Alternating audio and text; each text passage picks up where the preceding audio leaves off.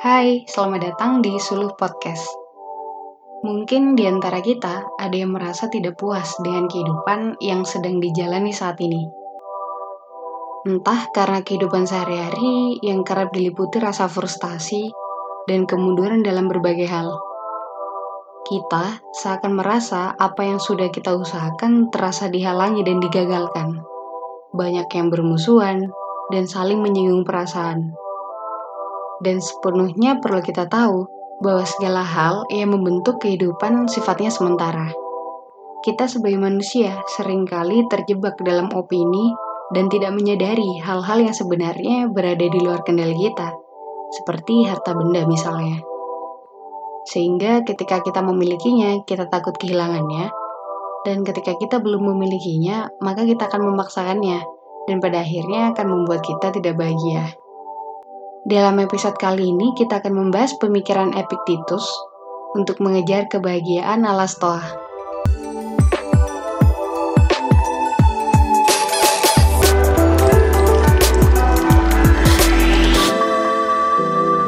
Epictetus lahir sekitar tahun 55 Masehi di Hierapolis, Frigia.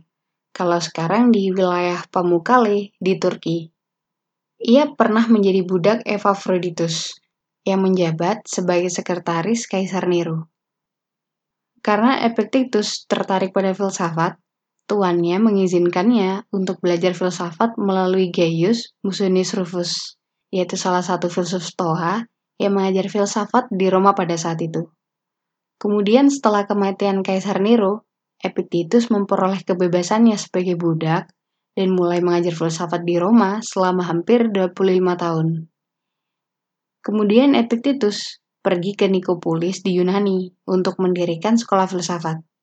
Karena pada saat itu, Kaisar Domitian mengusir semua filsuf yang ada di Roma. Dikisahkan bahwa Epictetus memiliki kaki yang cacat. Namun tidak ada keterangan pasti kakinya yang cacat itu karena dipatahkan oleh tuannya atau karena penyakit rematik. Namun, yang jelas ia berkata bahwa Penyakit adalah penghalang bagi tubuh, tetapi bukan berarti menghalangi kemampuan Anda untuk memilih, kecuali itu memang menjadi pilihan Anda. Kecacatan adalah hambatan bagi kaki, tetapi tidak bagi kemampuan Anda untuk memilih. Katakan hal ini pada diri Anda sendiri ketika menghadapi segala sesuatu yang sedang terjadi. Maka, Anda akan melihat rintangan sebagai halangan untuk hal lain, bukan halangan untuk diri sendiri. Epictetus tertarik pada etika dan menggambarkan filsafat sebagai pembelajaran bagaimana mungkin manusia menggunakan keinginan dan keengganannya. Manusia tidak bertanggung jawab atas ide-ide yang muncul dalam kesadaran mereka, meskipun mereka sepenuhnya bertanggung jawab atas bagaimana cara mereka menggunakannya. Ia mengatakan bahwa kita harus selalu ingat, terlepas dari tidak ada keinginan yang baik atau buruk kita tetap tidak boleh mengarahkan suatu peristiwa, tetapi hanya menerimanya dengan kecerdasan yang kita miliki. Manusia harus percaya bahwa ada Tuhan yang mengatur alam semesta. Hidup sesuai dengan alam berarti hidup sesuai dengan kehendak Tuhan. Dengan kata lain, stoikisme percaya pada takdir. Tujuan seorang filsuf adalah untuk melihat dunia secara keseluruhan.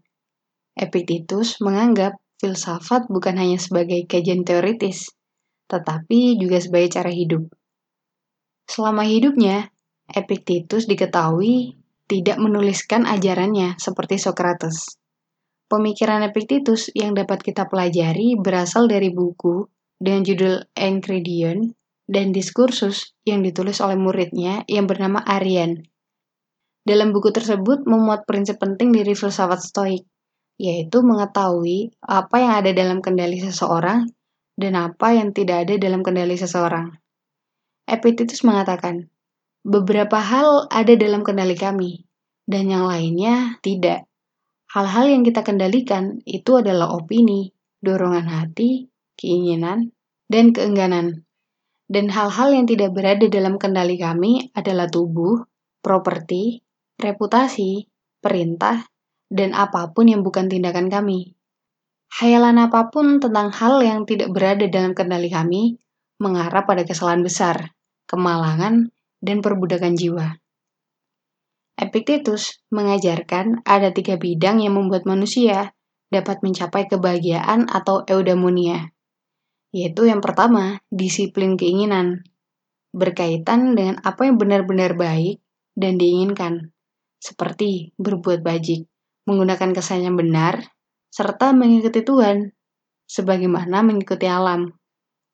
Filsafat mencoba untuk memurnikan pikiran kita, Biasanya, orang akan mendefinisikan apa yang baik sebagai hal yang menguntungkan dan cenderung diinginkan. Sedangkan apa yang buruk itu hal yang menyakitkan dan harus dihindari. Bagi Epictetus, semua itu hanyalah prasangka.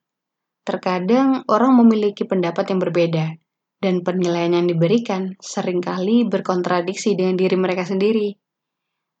Hanya pendapat yang membuat kita tidak bahagia, dan hanya orang bodoh yang menemukan kesalahan orang lain.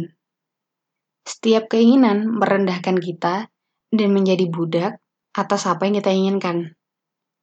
Kita tidak boleh melupakan karakter, bahkan ketika kita sedang dalam kenikmatan hal-hal eksternal. Selalu ingat bahwa hal tersebut bukanlah milik kita, sehingga nantinya kita tidak akan terpengaruh oleh opini yang membawa kesan tertentu terhadap sesuatu. Segala apa pun yang terjadi di luar kendali kita, biarkan terjadi begitu adanya. Dan kita tidak dapat dengan sendirinya menilai baik atau buruk suatu hal. Namun, hal ini tidak berarti bahwa manusia harus mengabaikan hal-hal eksternal. Epictetus berkata, eksternal harus digunakan dengan hati-hati, karena penggunaannya bukan materi yang acuh tak acuh, namun bersamaan dengan ketenangan, karena bahannya digunakan acuh tak acuh. Acu tak acu ini dapat didefinisikan sebagai hal-hal yang tidak baik atau buruk, atau ketidakpedulian terhadap pemberian nilai. Jadi, apa yang ada dalam kekuatan kita, seperti opini, adalah otoritas kita sendiri untuk menilai suatu hal baik atau jahat. Sedangkan, apa yang ada di luar kekuatan kita atau disebut hal-hal eksternal, bukan kapasitas kita untuk menilai baik atau jahat. Sebab kita tidak memiliki kendali untuk membuat hal-hal eksternal terjadi seperti apa yang kita inginkan. Contohnya saat kita sakit, itu di luar kendali kita. Apakah kita akan sembuh dengan cepat atau tidak? Sehingga akan menjadi masuk akal jika kita mengunjungi dokter saat kita sakit.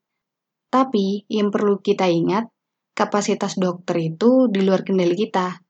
Begitupun halnya dengan efektivitas pengobatan yang ditawarkan pada kita.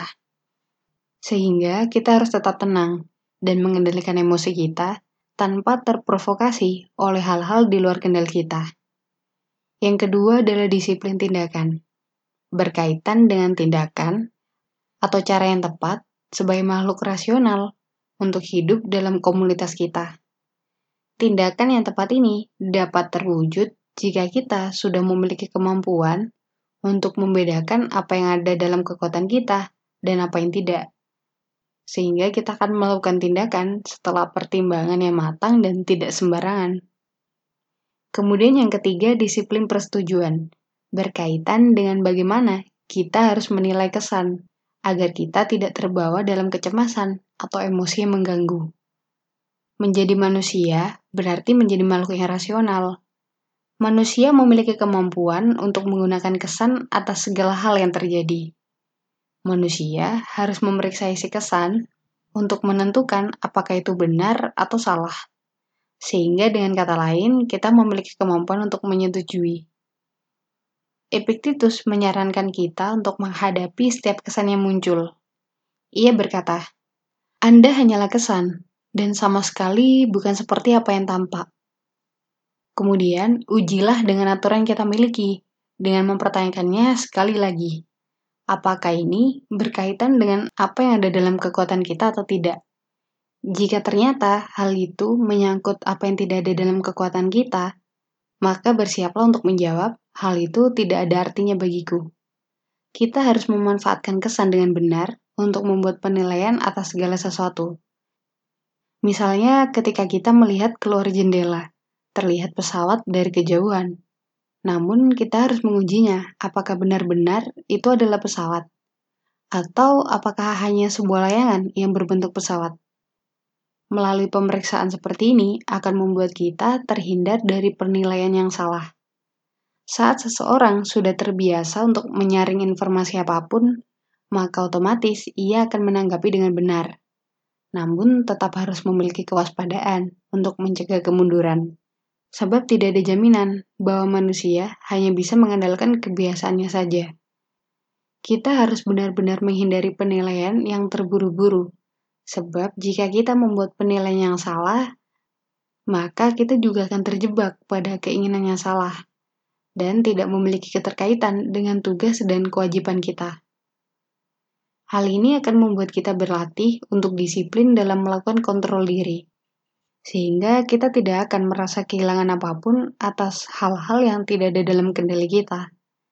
Epictetus mengatakan, Aku tidak kehilangan apa pun yang menjadi milikku, karena sesungguhnya itu bukanlah milikku, yang kemudian akan direngut dariku. Jadi akan memiliki kemungkinan untuk meninggalkanku.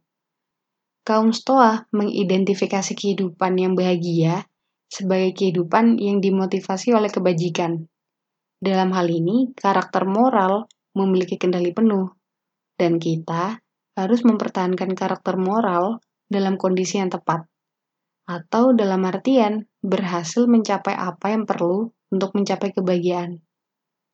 Ingatlah bahwa yang mengganggu pikiran manusia bukanlah peristiwa, tetapi penilaian mereka terhadap peristiwa. Dari ketiga bidang disiplin tersebut, permasalahan yang paling mendesak adalah yang berkaitan dengan nafsu, yang menghasilkan kekecewaan ketika keinginan kita tidak berjalan sesuai dengan rencana. Inilah yang menyebabkan gangguan, kekacauan, kemalahan, kesedihan, dan membuat kita iri dan cemburu tanpa dapat mendengar alasan apa pun. Jadi, sebaiknya kita menempatkan harapan bukan pada hal-hal eksternal yang tidak ada dalam kendali kita, tetapi menempatkan harapan pada karakter moral kita sendiri. Atau dengan kata lain, kita harus membatasi hasrat kita hanya pada kebajikan, agar kita tidak akan terus menginginkan apa yang mungkin gagal kita dapatkan, atau saat kita memilikinya berpotensi kehilangannya. Ya, karena kepuasan hanya bisa dinikmati untuk sementara saja. Saat kita sudah terjebak dalam emosi, kita akan beresiko menjadi hilang arah untuk berbuat baik, bahkan saat kita sedang mengejar hal-hal eksternal. Memang tidak sepenuhnya hasil tindakan ada dalam kekuatan kita, tetapi kita memiliki kecenderungan untuk mengejar apa yang menjadi tujuan kita, dan ini ada dalam kekuatan kita. Kita memilih untuk mengejar tujuan kita. Analoginya seperti pemanah yang menembakkan sasarannya ke pusat target meskipun tidak sepenuhnya untuk mencapai sasaran ini ada dalam kendali pemanah. Misalnya saja seperti faktor adanya angin yang bisa saja membelokkan panah dari jalurnya sehingga mungkin saja akan meleset dari sasaran. Namun yang tetap ada dalam kendali pemanah yaitu bagaimana pemanah dapat menggunakan kekuatannya untuk menembak dengan baik. Yang harus disadari bahwa melakukan yang terbaik adalah hal yang paling terbaik yang bisa ia lakukan. Meskipun nanti hasilnya akan gagal mengenai pusat target, ia tidak akan kecewa, sebab dalam ajaran stoik, pemanah akan memandang kesuksesan mereka adalah menembak dengan baik, bukan hanya sukses karena mencapai sasarannya. Epictetus menganjurkan agar setiap masalah yang kita hadapi dalam hidup dipahami sebagai kesempatan baru untuk memperkuat karakter moral kita ia akan mencari semua pertolongan atau kemalangan diri dari dirinya sendiri.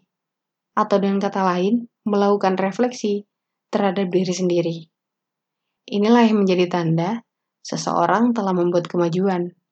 Sampai pada satu titik ketika seseorang sudah tidak dapat mencelah atau memuji siapa pun.